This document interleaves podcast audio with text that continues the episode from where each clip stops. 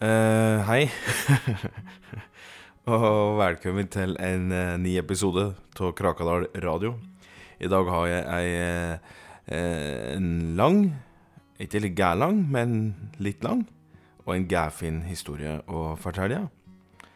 Um, har òg en brevleser som Som du skal få høre etterpå, som, har, som fant brevet til vedkommende. Spilte inn det i lokalradioen da i 1920 Nei, 1912, kanskje? 1913? ja Mer om det etterpå. Um, han jeg skal fortelle om i dag, han heter Ludvig Pedersen. Han ble kalt uh, bare Kistebærer Pedersen. Ble født i 1604. Gikk bort i 1694. Uh, Ludvig Pedersen som uh, Siden barndomsepisode, rett og slett, som vi skal gå litt nærmere inn på. Uh, han ble kalt Kistebærer Pedersen. han var en god og snill mann, helt til det siste. Ble jo så klart Eller ble ikke klart, det er jo mange som ikke ble født i Krakadalen nå, men Ludvig han var født i Krakadalen. Var et resultat av ei elskovsnatt som Sissel Persdatter og Lennart Pedersen sto for nyttårsaften. Og om det var utført før klokka slo tolv eller ei, det vites jo da ikke. Men september 1604 så var i hvert fall Ludvig ute i det fri. Ludvig han lærte jo å gå allerede etter to-tre måneder, sies det. Han skal visstnok tidlig ha hatt talent for å uh, bære ting. Og på ettårsdagen sin så tok hun visstnok da sjæl og bar kaka som mormor hans hadde laga, til kakebordet da inne på Peistunet, der han bodde. Det var jo da hemstellet til eh, familien eh, Pedersen. Når han ble eldre, dvs. Si seks-sjuårsalderen, eh, altså i de tider når han begynte å omgi seg med jevnaldrende, så fant han ikke helt sin plass, kan du si, umiddelbart. Han ble ofte kalt Eh, stygge ting av de andre unga. Og en liten jentebande eh, sørger ofte for å gi Ludvig en eh, rett og slett en skikkelig god gammeldags omgang med juling. Eh, hver gang Ludvig var aleine på skoleplassen, eller ja, egentlig hvor som helst. Eller hen som helst. det skulle vise seg at grunnen til at de gjorde det, det var jo for at han eh, hadde hatt lite glimt i øyet for hun ene av dem. Eh, Anne Barbro. Eh, og en dag hadde jo han spurt om hun ville være med og, og se på frosker. Men ettersom Ludvig var litt sein med å lære seg å prate, så misforsto Anne Barbro og trodde han sa at hennes døde katte Fjolla var like stig som en haug med torsker. Um, så hun skrelte jo åtten Ludvig inne på skogstien og, og sprang hjem igjen. Uh, og i nesten tre år hadde hun med seg da vennene sine og ventet inne på skogshøltet da, hver kveld. Når de visste at Ludvig hadde vært bortom for å hente korn eller vann, så, så, sprang de fram og banket han opp, så klærne hans ble jo de ble gjennomblaute av blod. Og ansiktet hans rakk jo aldri å miste hevelsen eh, heller. Så ansiktet hans det så ut som et uh, ja, kjøttkake eller hovent eplehue eller ja, lik alt ettersom. Men um, men selv om han da fikk juling, så, så gikk han stadig hjem Så gikk han jo stadig hjem igjen med gråten da, i hersen. Men han, eh, han sa jo aldri til noen at det var Anne Barbro og vennene hennes som gjorde den vondt hele tida. Nei. Så forelsket var han i Anne Barbro at han for hver kveld fant på unnskyldninger da mor og far spurte hva som hadde skjedd. Han, jaug jo på seg både møter med hissige rådyr og kranglete bjørn, og datt ifra diverse trær som han hadde lyst til å klatre i. Og en gang sa han jaggu at det hadde regnet, øh, øh, stein mens han var ute og gikk. Det hadde jo foreldra litt vanskelig for å tro, da, men de øh, trodde nå på det litt allikevel. Og noen kvelder så hendte det òg at han hadde plukket blomster rundt om i skogen, slik at når han Barbro kom for å gi en juling, så kunne han liksom gi de blomma, da. Men hun stappet jo blommene i munnen sin og tygde dem sunn, og spyttet det så i ansiktet på Ludvig. Og selv om det gjorde vondere og vondere hver gang hun spyttet den i ansiktet, så plukket hun nye blommer dagen etter. En sein junikveld i 1614, da Ludvig var ti år gammel, så kom Anne Barbro bort til han aleine. Hun hadde for første gang på nesten fire år ikke med seg vennene sine, og hun gikk bort til Ludvig og lurte på om han ville gå en tur. Og Ludvig han ble jo så varm i brøstet sitt og, og smile jobben alt han kunne for å ikke vise frem, da, så han, han jobba for å skjule det. Og så takka han ja til en gåtur. De gikk bort til Krakadammen da Anne Barbro spurte om Ludvig hadde lyst på noe å bite i. Og Ludvig svara høflig ja takk. Så satte han seg ned på en stein, og så gikk Anne Barbro bort slik at Ludvig ble sittende aleine like ved Krakadammen og, og vente. Eh, skogen hadde lagt seg vagt over Nei, skogen, sier jeg. Eh, skoggen hadde jo lagt seg vagt over sjøen. Og midt uti der så kunne Ludvig se øva til nøkken, som lå og vaka da ved vassoverflata. Ludvig hilste pent og sendte i vei et lite smil, og nøkken responderte jo verken med smil eller håndhilsing. Og brått hørte Ludvig noe bak seg. Snudde seg, fikk så se Anne Barbro, som kom tilbake da med ei lita kerr med et førkle over, slik at han ikke var i stand til å se det her som var oppi. Blunka øva Ludvig, sa. Ludvig tapte at øva og smilte. Han var utrolig spent på her Anne Barbro hadde funnet på. da. Og han kjente en smørekniv som sikkert var skåret ut av ei bjørk. Og den kjente han da bred noe mjukt og søtduftende greier da, på neva hans, i, i ansiktet hans og nedover overkroppen. Eh, det var jo sommer, så Ludvig hadde jo bare på seg tynn skjorte, som mangler da de fire øverste knappene. Og så Han smilte litt, da. Syns dette var virkelig litt rart. Men han syntes nok det var litt spennende òg. han gjorde nok det. Men det smilet det, og, og spenningen det ble jo fort borte, vet du. Og en hinsides smerte spredde seg jo i ansiktet. Ermer og overkropp. Han, han for opp av steinen og sprang rundt som en tulling vet du, idet han ble eh, jaget av flere tusen bier som stakk opp til som, som stakk en eh, eh, han, han Her er det seier. Han spratt full opp av steinen. Det var ingenting som stakk opp til den steinen. Han spratt opp av den steinen når han kjente alle de der stekka der rundt seg. Og, eh, og så sprang han jo rundt da, som en tulling. For det, han ble jo nå jaget av flere tusen bier, vet du. Og de stakk han for harde livet. Ja, det stemmer. Og, og midt i Ludvigs skriking så kunne du høre Anne Barbro. Hun lo jo høgrøste over Krakadammen. Nøkkelen syntes ikke det var noe særlig moro, egentlig, så han bare stakk tilbake til sjøbetten og, og ble værende der da, resten av natta.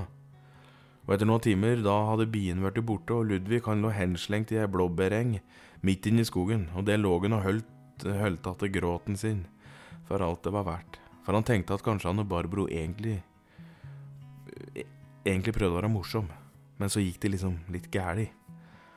Så han var, og han var redd for at Anne Barbro kanskje skulle dukke opp og, og tro at han var eh, lei seg, når hun egentlig hadde prøvd bare å være snill. Ludvig fikk noen varige skader på høyrebeinet sitt etter at han ble støkket av så mange bier. Eh, så han fikk en litt lik merkelig gange etter den turen. Og da foreldra hans lurte på her dæven som hadde skjedd, men da han kom hjem igjen rød og opphovnet av vepsestek, så, så sa han det nesten som det var. Jeg roter rundt i noe jeg trodde var en stein, men så var det et vepsebol, sa han. Og far hans humret litt over pipa si da, da Ludvig fortalte det. Men mora hans hun var jo hun var, livredd, vet du. Laga noe mirakelkul da, vet som inneholdt geitemelk og kantareller og noe aloe vera og brennesleblader. Og det funker da, visstnok. Men Ludvig han gikk aldri og, og var sur på Anne Barbro, snarere tvert imot. Han gikk rundt i håp om å få se Anne Barbro.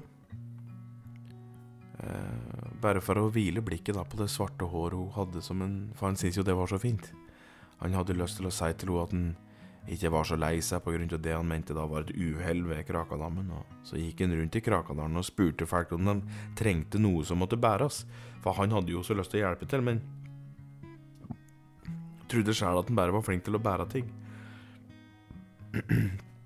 Så da skulle jo hans ferd i livet havne borti da den lokale likkistesnekkeren Abraham Sakariassen. Abraham var en stille og lun type som snekrer likkister, Og det var det eneste han gjorde. Han valser rundt da, som en figur ifra dette der like Ville Vesten-filmer. Tok mål til dem som hadde døva, snekra opp ei kiste til dem. Han kunne ha ei kiste ferdigsnekra på under en time, visstnok. Så det gjorde jo at hvis det var fremmedfolk som gikk til døden da i bygda, så, så, hadde, han, hadde han ordnet det slik at de kunne gravlegges ganske liksom ca. en halvannen time etter at de hadde tatt sine siste åndedrag. Så effektiv, effektiv eh, type. Når, eh, når Ludvig havnet utafor her og, og, spurte Abraham da om han trengte hjelp til å bære, så sa Abraham at det kunne Gett trenge. Og med det så endte det da med at Ludvig han fikk jobb hos Abraham, der han bar eh, likkister hjem til dem som skulle ha det.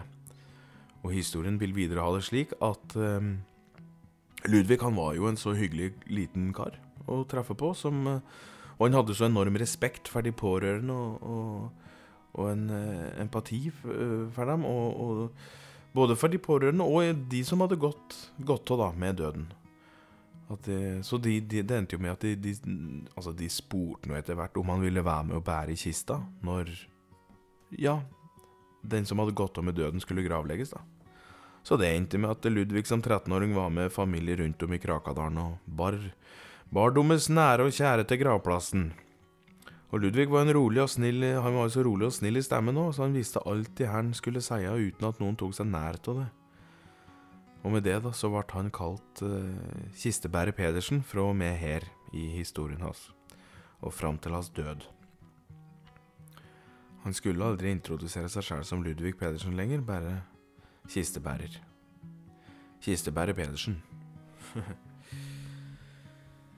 Når uh, Ludvig fylte 20 år, i september 1624 så var han ute ved Krakadammen og smådrakk litt av ei brennevinsflaske han hadde fått som belønning av familien Halvorsen, fordi han hadde vært med og børi gamlegubben i familien da, til det siste hvilestellet den samme dagen. Så nå satt han her og skatte utover Krakadammen, og han visste at nøkken holdt over med en der han satt. Så Ludvig heiste ermen og skålte ut til nøkken, og som svar så kom det tre bølgeskvulp inntil steinen som han satt på. Og tenkte han for seg sjæl at, dette, at det, var, det var et skvulp som gratulerer med dagen, og et skvulp som betydde skål. Og en siste skvulp som sa 'vi ses en annen dag'. Det gjør vi, tenkte Ludvig da. Så tok han en sup. Og så hørte han fottrinn som eh, trasket seg nærmere og nærmere bakifra. Han snudde seg rolig og skatte bort, og så mistet han pusten.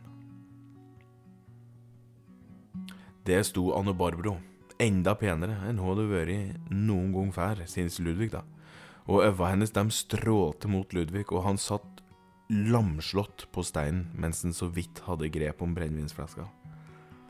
Anne Barbro gikk bort til Ludvig og bare så på han, hun sa ingenting. Ludvig sa heller ingenting. For han var jo han var redd at hjertet skulle komme og hoppe ut munnen hans om hun åpnet opp. Så hun, hun satte seg ned ved sida av Ludvig, snudde ansiktet mot sjøen, og hun sa ingenting. Så satt han der da hele natta uten å si noen ting. Ludvig så på Anne Barbro, Anne Barbro så ut mot sjøen, og da klokka ble sju om morgenen, så reiste Anne Barbro seg opp og så, så på Ludvig. Og så sa hun unnskyld. Og så gikk hun sin vei.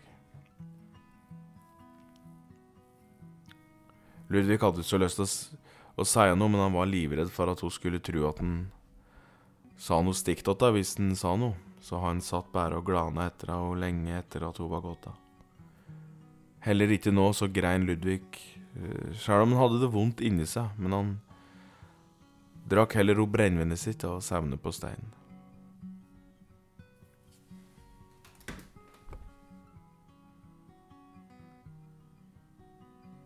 Ja.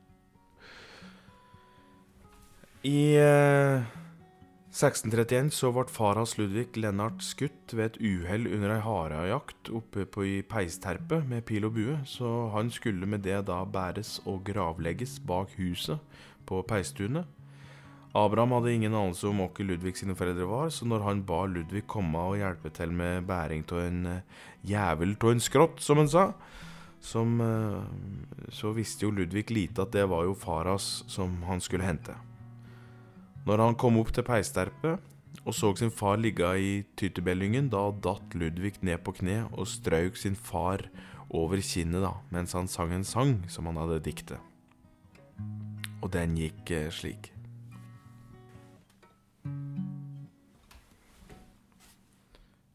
Hmm, hm.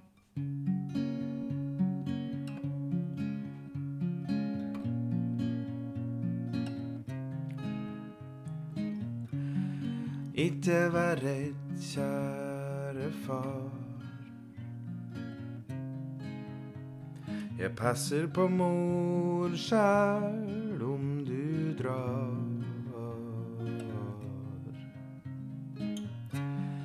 Ikke vær redd, kjære far.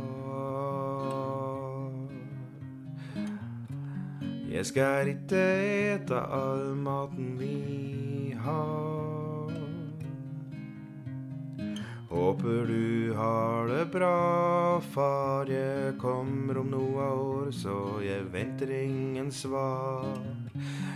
Ikke vær lei deg, far, du skal sjå jeg er en ordentlig kar. Jeg kommer til å savne deg, far. Men nå er jeg voksen, så jeg må ta ansvar.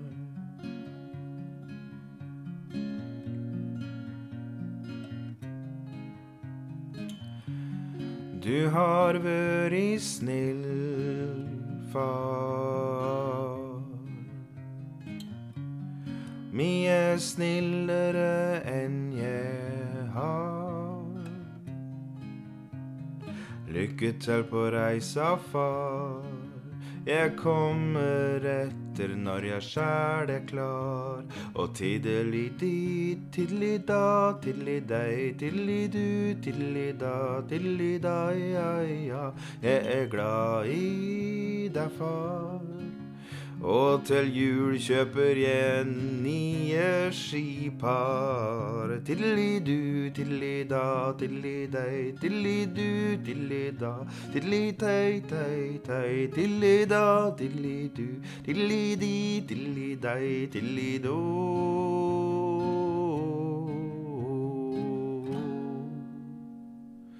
Ja. Eh, slik gikk den. Slik gikk eh, sangen som han sang til sin far. Um, han bar sin far tilbake til Abrahams sitt verksted, altså verksted, ja, der Abraham allerede hadde blitt ferdig med kista. Og så hjalp han Ludvig med å legge Lennart oppi kista. Sammen spikret de kista, for uh, før Ludvig da var nødt til å gå hjem til sin mor og fortelle det som hadde skjedd. Sissel knakk sammen når hun hørte at hennes kjæreste Lennart hadde strøket med, og Ludvig, som ikke var vant med å se mor si så oppløst i tårer og sorg, han turte ikke å si at han hadde blitt råket av ei pil i hjertet under ei rådyrjakt, så han sa da til sin mor at Lennart han hadde tatt seg en lur mens han hadde plukket tyttebær, og så hadde han drømt så mye fint så at han ikke hadde lyst til å våkne opp igjen, så da døde han, da.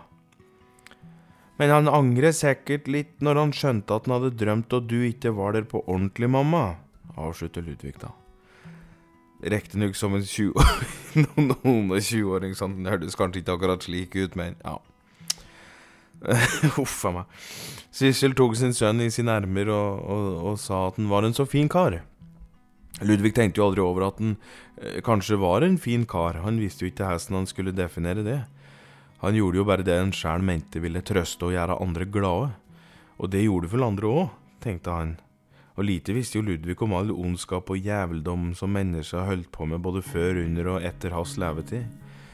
Og i Ludvig sine øyne så var alle gode mennesker, og den godeste, den mente han var eh, Anne Barbro.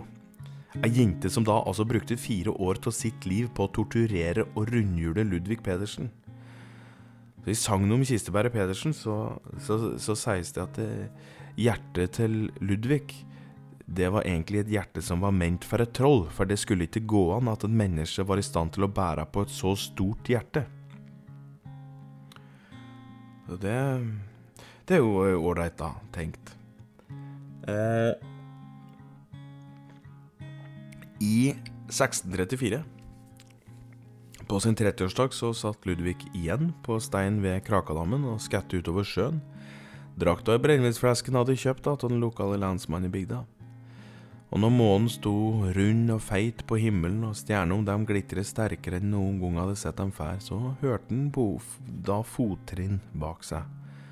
Og han snudde seg, og kjente en slags glede spre seg i magen på han. Og helt riktig. For baken der eh, Det kom av Anne Barbro. Sto og så på han. Ludvig han begynte bare å smile bredt da han, da han så henne, og, nå var håret hennes så langt at det rakk helt ned til navlen hennes, og øynene hennes de glitret enda mer enn, enn de hadde eh, gjort da for ti år siden. Og nå smilte Anne Barbro litt òg. Hun gikk bort da, satte seg ved sida av Ludvig og så han rett i øynene. Fytti katta så pen du er, sa Ludvig. Og Anne Barbro visste ikke om hun skulle le eller skrellotten, med tanke på at hun for så mange år siden hadde gitt en juling for hun trodde han hadde sagt at katta hennes var like stygg som en gjeng med frosker. Fytti vepsestek, så rar du er, svarer Anne Barbro da. Og Ludvig han begynte bare å leve, vet. Og han klarte ikke å slutte å le. Han var så lykkelig som han aldri hadde vært der han satt da på stein ved Krakadammen med, med jenta han hadde vært forelsket da i hele sitt liv. Hun satt da ved sida av han så han la, han, han la, seg ned på steinen og stirret opp mot himmelen med smilet det bare hvilte i ansiktet hans. Anne Barbro satt bare og stirret utover sjøen, uten å si noe mer. Men der og da var Ludvig eh, glad. og når nett ble til morgen og klokka slo sju, så reiste Anne Barbro seg opp og skatte på Ludvig der han lå og forsiktig stirret på den eh, fineste dama han visste. Unnskyld, sa hun og så gikk hun. Ludvig ble liggende og glane opp mot himmelen og lurte på om han ville se noen morsomme skyer på himmelen som kanskje ligner på kuer eller høner eller katter. Noen dager etter at han hadde fylt 30, eh, eh, noen dager etter han hadde fylt 30 år, så, så fikk han et brev i postkassa si, og det var et brev som var eh, skrevet med løkkeskrift. Og i det brevet så sto det Kjære Ludvig, jeg er med barn, men jeg har ingen steder å, å gjøre av verken barn eller meg selv. Du er den eneste jeg kjenner, og jeg ber deg ærbødigst om du vil gjøre meg den tjeneste og ta imot meg og mitt barn. Hvis du takker ja, møt meg bortenfor epletreet til hundepasser Larsen i kveld klokka sju. Hilsen Anne Barbro Gulliksen. Det trengs for faen ikke å si at Ludvig han trengte ikke å tenke seg om to ganger etter å ha lest det brevet der. Han gikk jo nå bare og trippet rundt i stua si vet du, og ventet til klokka skulle bli sju. Og det gnagde han litt at dama han likte så godt skulle bli mor til noen andre sitt barn, men det fikk nå bare være, tenkte han. Så klokka sju en dag i september, da trasker Ludvig til epletreet som da sto på tomta til eh, hundepasser Larsen. Eh, men der sto ingen annen Barbro. Men det lå en unge der. Nyfødt liten skrått som som eh, sov rolig, behagelig, rett under epletreet. Og det var jo flaks at ingen epler hadde dødd i huget på ungen, tenkte jo Ludvig, og gikk fort bort og bar løfta ungen opp, da. Han så forfjamset rundt seg, men han, han, så ingen som han drog kinnsel på. Så skatten så ned på ungen, og etter en times tid så tok hun ungen med seg hjem igjen. Var det slik at Anne Barbro allerede hadde født en unge og trengte noen til å ta vare på han, lurte peise... Nei, lurte Ludvig på da der han satt, med tente ljus rundt kjøkkenkroken, med litt graut da, hengende over peisinnredningen og ei pipe stikkende ut av munnviken. Han var lei seg nå, nervøs. Han hadde jo aldri vært borti en unge før, så han syntes det var litt skummelt da å skulle ha en i hus. Ungen var vaken titte rundt seg, smilte noen ganger når han fikk øyekontakt med Ludvig. Ikke visste han om det var gutt eller jente, selv om det, altså det spilte jo ingen rolle for Ludvig, da, men det skulle jo vise seg da at dette var ei jente. Hun skulle vokse opp til å bli svært lik sin mor, slik at Ludvig gikk da resten av sitt liv med, med hjertesorg. På dagtid gikk Kisteberg Pedersen og bar da sine naboer til sine siste hvileplasser, og noen ganger delte han òg noen ord til allmennheten om det var slik da at han kjente eh, den avdøde noenlunde ålreit. Og ettersom han da med tida ble kjent med så å si alle, så delte Ludvig noen ord i alle sine begravelser som etter hvert da skulle komme. Og på kveldstid da satt han i en gyngestol i stua si og patte på ei pipe, mens han skrev dikt til jentungen som som hun var nødt til å lese. Eh, og det var da slik jenta lærte seg å lese. Eh, og jenta det, hun ga han navnet da Anne Barbro. Nei, det Helledussen av det. Jenta til Anne Barbro ga han navnet Elen Maria. Han skulle naturlig nok eh, Han hadde jo lyst til å liksom gi navnet etter sin mor. Han hadde jo lyst til å gi henne navnet Anne Barbro. Eh, men han syntes det ville være litt vanskelig da å skulle bli påminnet av sin store glede og sorg de gangene han skulle si navnet til jentungen han hadde fått ansvaret for. Eh, liksom, Så da ble navnet Ellen Maria. Og han var en god, god eh, eh far, sett i gåseøyne, kanskje. han hjalp Ellen Maria med alt fra skriving lesing og snekring til eh, sying, svømming og singing. Han, eh, ja, sammen så lagde de jo sanger som de sang på markedet. Eller da han var hjemme hos Sissel, altså mor til Ludvig. Eh, Sissel hun var jo, ble jo dessverre litt Hun ble jo sjuk på sinnet etter at Lennart gikk bort. Så Ludvig og Ellen Maria de var ofte innom for å hjelpe til, da, slik at Sissel fikk i seg mat og fikk væske seg. Og en dag da så sa Sissel til, til Ludvig Eh, jeg skulle så ønske jeg ikke hadde ermer. Ludvig syntes jo det var rart sagt, da, og svara liksom Eller spurte da hvorfor ikke det, da? Nei, jeg er så lei til å væske filler og vegger. Ja.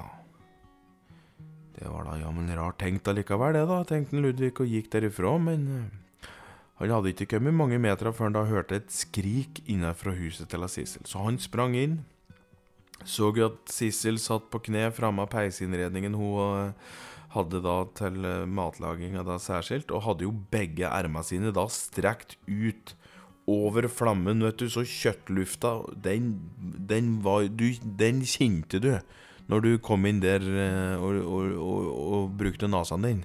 Da kjente du kjøttlufta, gitt. Fysj. Og hele huset. Ludvig stivnet av sjokk, vet du. Han ble bare stående og glana. Han mista alle tanker, alle sanser, og bare sto der og så på sin mor brenne erma sine. Ellen Maria kom jo også springende inn og så farmor si brenne, og sprang ut mens hun ropte på hjelp fra en eller annen i nærheten.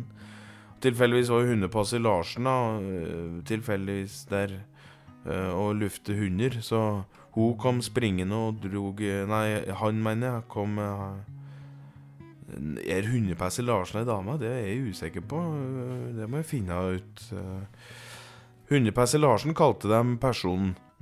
Um, og, og så hundepe Hundepesser Larsen kom da bare springende, dro Sissel bort fra peisen og fikk blaute noen filler, som, en, som personen da tjorde rundt erma til Sissel. Sissel lå jo bare og skreik som besatt, vet du, der han lå og gjorde alt hun kunne for å riste av seg disse fillene. Og to dager etter så Ja. Så daua jo Sissel av de brannskadene der, og ved sida av senga hennes så Så satt Ludvig, da, og Ellen Maria på hver sin side. Og så begge sto og Begge strøk da Sissel på, på hver sitt kinn, altså hver sin kjaka. Sissel på venstre Nei, eh, El Maria på venstre og, og Ludvig strøk den høyre sida. Og sang da en sang, ja. Eh, den er jo Den er ikke så annerledes fra den i stad, så jeg kan den òg, faktisk. Det Dette var da sangen som Ludvig Pedersen og Ellen Maria sang eh, sammen. Her skulle jeg kanskje hatt noen til å synge med meg, men det, det har jeg ikke, dessverre. Kanskje en annen dag.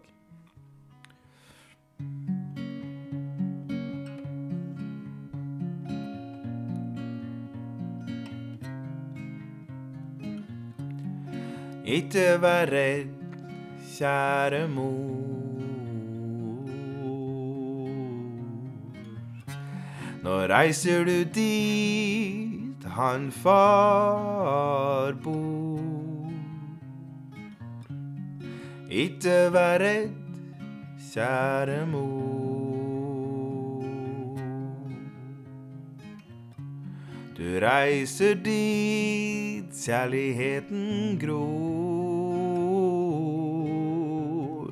Håper du har det bra nå, mor. Vi sner, se snart har jeg fått nye skor. Ikke vær lei deg, mor. Du savner han far, og jeg har nå ei datter. Jeg kommer til å savne deg, mor. Min kjærlighet til deg har alltid vært stor.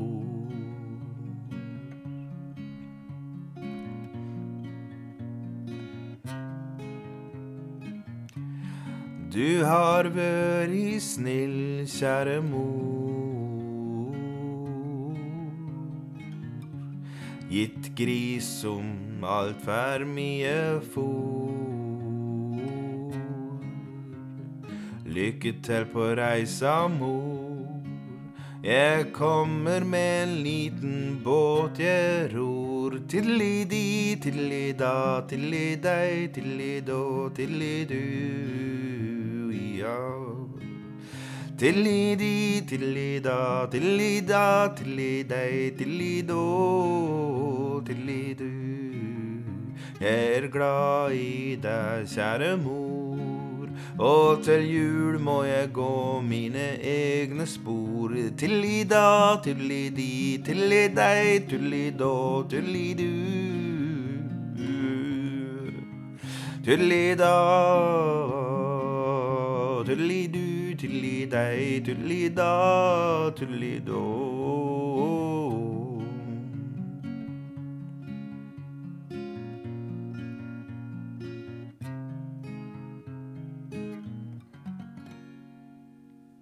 Ja.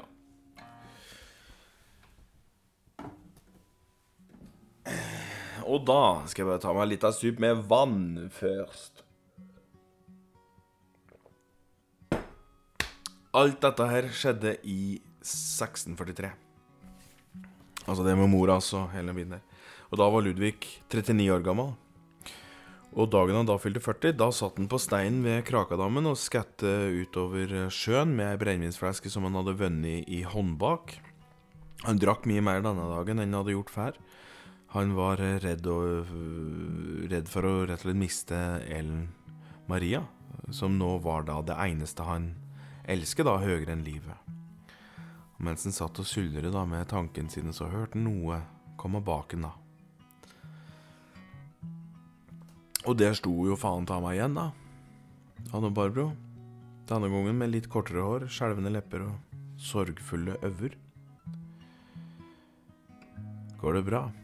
spurte Ludvig. Og da knakk han og Barbro sammen og la seg ned på bakken da mens hun lot tårekanalene åpne seg. Unnskyld. Unnskyld, unnskyld, unnskyld, hulke Anne Barbro der hun lå, mens Ludvig holdt rundt henne og prøvde å trøste så greit han kunne. Jeg hører du sier det her til eneste tiåret, men jeg veit ikke hva du unnskylder deg etter, sa Ludvig mens han så ned på Anne Barbro, og hun sa ingenting mer. Hun bare lå i armene til Ludvig og grein så mye så tårene de trillet ut i Krakadammen, og Ludvig var redd det skulle bli høstflom et lite øyeblikk der, faktisk, for det var jo det var mye tårer. Og slik satt Ludvig og holdt Anne Barbro i erma sine hele natta, helt til klokka var sju. Da reiste Anne Barbro seg opp og sa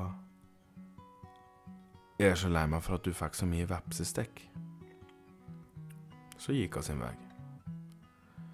Ludvig satt tilbake og stakk neva i den blaute jorda for å kjenne seg eh, nærmere, eh, på et vis. Han, han, følte seg nærmere ved å vite at han holdt eh, tåren til Anne Barbro i, hånd, i, hendene sine, da, akkurat nå, der han satt. En iskald septembermorgen. Stakk neva i jorda. Der tåren hennes da hadde sunket ned. Det skulle gå mange år, mange, mange år, før han så igjen. Og I mellomtida ble han jo fullt opptatt med å sørge for at bygda og Elen Maria hadde det bra. Og når han fylte 50, 60, 70 og 80 år, så satt han på steinen sin ved Krakadammen i håp da, om at enten Anne Barbro skulle komme en tur, eller at Nøkken skulle ta en skål, men, men det var ingenting Ingenting av det her, det her som eh, skjedde i de åra. Ludvig var riktignok en glad og lystig, hjelpfull og omsorgsfull person for de fleste, men inne Inni vår kistebærer så vokste det et så enormt savn etter denne der store kjærligheten. Den eneste frøkna han hadde likt, eh, Anne Barbro Han savna henne fælt, gitt. Han gjorde det. Han hadde draget som tusen på damen som var i bygda, men han var, han, altså, han var jo en storsjarmør på dansefester og andre tilsetninger i bygda. Altså, han, han, var jo så god og snill. Og. Men Ludvig han takker høflig nei, da, i håp om at eh, en dag så skulle han få være med den han ville ha, da. Eh, jeg vet ikke om jeg skal kalle det en sorg, men det var noe, noe sørgelig, da som ble så stor inne i Kistebæret Pedersen, så, så han drakk hver kveld etter at Ellen Marie hadde lagt seg. Og etter at hun flett ut, da drakk hun enda mer. Han satt gjerne med tre tente ljus i hele huset. Han røyker pipe, mens han da stirrer inn i peisen sin. Så drømte han seg bort i erma til Anne Barbro. Han drømte seg liksom bakover i tid. Um, det er jo funnet et brev som er skrevet av Ludvig Pedersen fra gammelt av. Akkurat når, det veit ingen, men, men, det, men, det, er gammelt, og mye tyder på at det er etter han var Etter han bikka 50. Eh, Kåre Konradi var faktisk den første da som kom over det brevet en dag, eh, da han var ute og, og plukket stein inn på Finnskogen i 1913. Og han eh, gikk rett til Kra eh, Krakadal Altså ikke Krakadal Radio, men han gikk til lokalradioen. Kan hende Jeg veit ikke om Krakadal Radio fantes da, men kanskje han gjorde det? Kanskje det var Krakadal Radio han gikk til.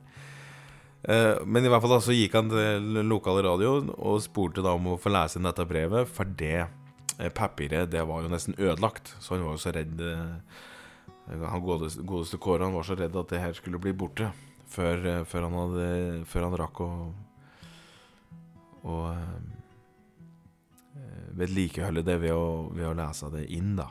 Eller han kunne jo gjerne ha skrevet det òg, men det gjorde han ikke. Han leste inn det brevet.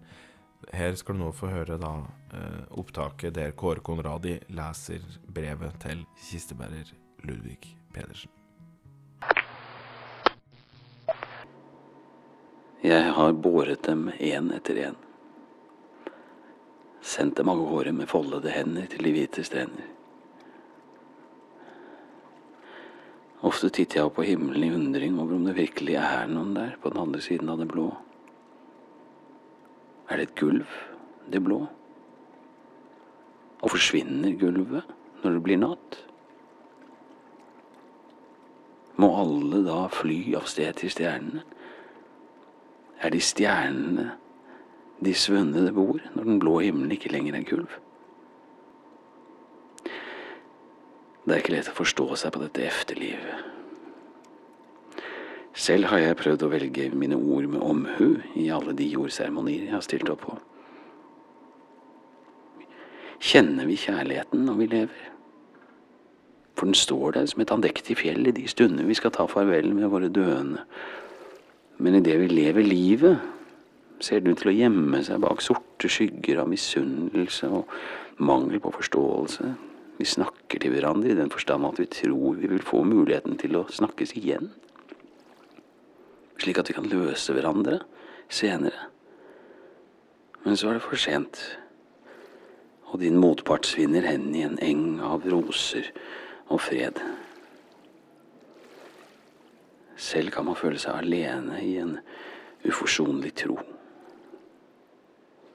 Hvorfor er det så mangel på støttende ord og gode gjerninger, ikke bare hos dem som står deg nærmest, men også dem som ikke har for vane å verken høre eller oppleve slike ting? I alle mine år her på denne jord har jeg forsøkt å gjøre det godt for dem som har vært i mitt nærvær. Jeg er forsont med at jeg ikke kan gjøre det godt for alle mennesker på hele planeten, men jeg kan bidra rundt meg, det har jeg lært. Kjenner vi kjærligheten? Kjenner jeg kjærligheten? Jeg har kjent en forelskelse. Den har jeg kjent på hvert tiende år siden jeg var 20 år. Og den har vært der også i tiden imellom. Den er der nå også.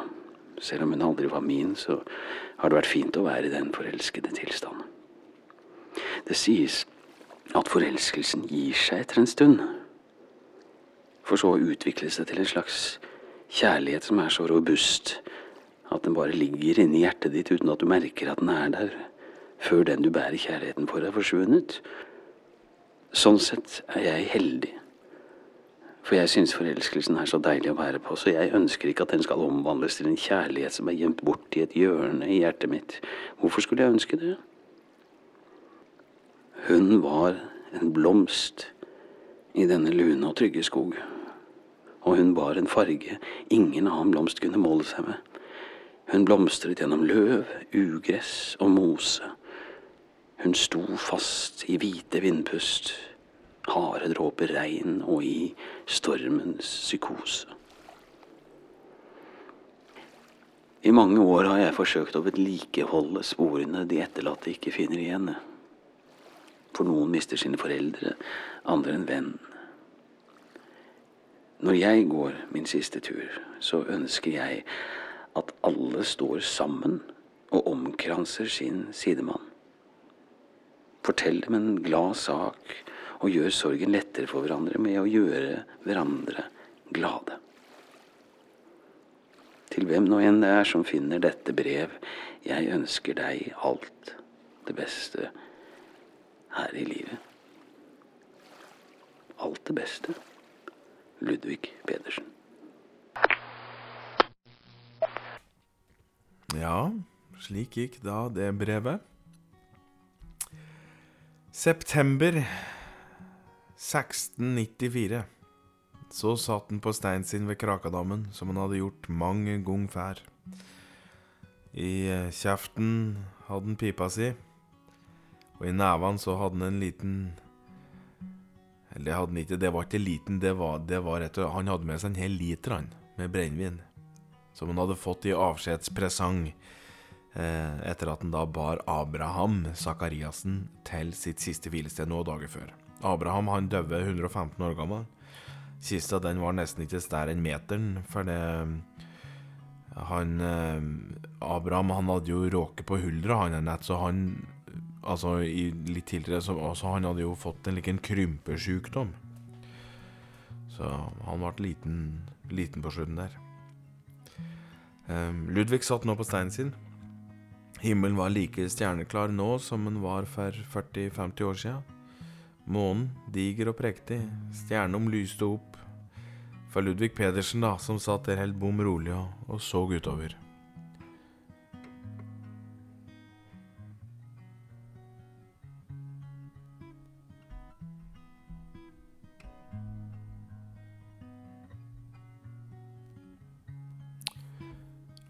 Han tok tre slurker av brennevinsflaska og tre djupe drag av pipa si, og så hørte han en forsiktig tassing bak seg.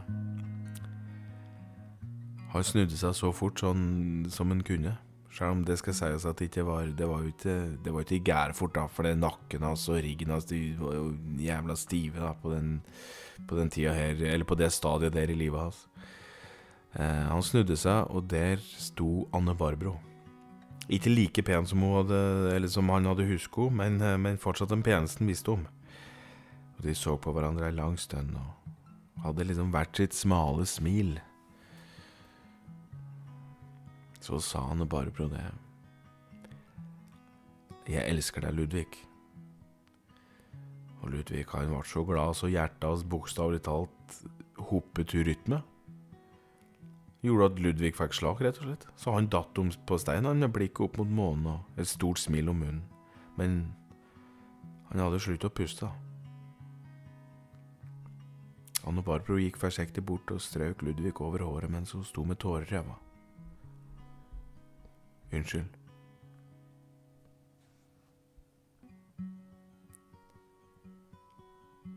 Og slik eh, endte historien om Ludvig Kistebærer Pedersen. Så med det så sier jeg tusen hjertelig takk for i dag. Jeg håper alle får en god helg. Og ja Abonner. Lik og del. Jeg har fått slik Instagram-konto. Det begynner jo å bli en stund siden nå, men det er jo en Instagram-konto som heter Krakala Radio. Det må du gjerne Der får du jo oppdateringer. Og ja Nei, og noe mer enn det har jeg egentlig ikke å si i dag, så da vil jeg bare takke for meg. Og så vil jeg selvfølgelig takke Kåre Konradi for at han eh, stilte opp som brevleser i dag. Så takk for det. Ha det bra.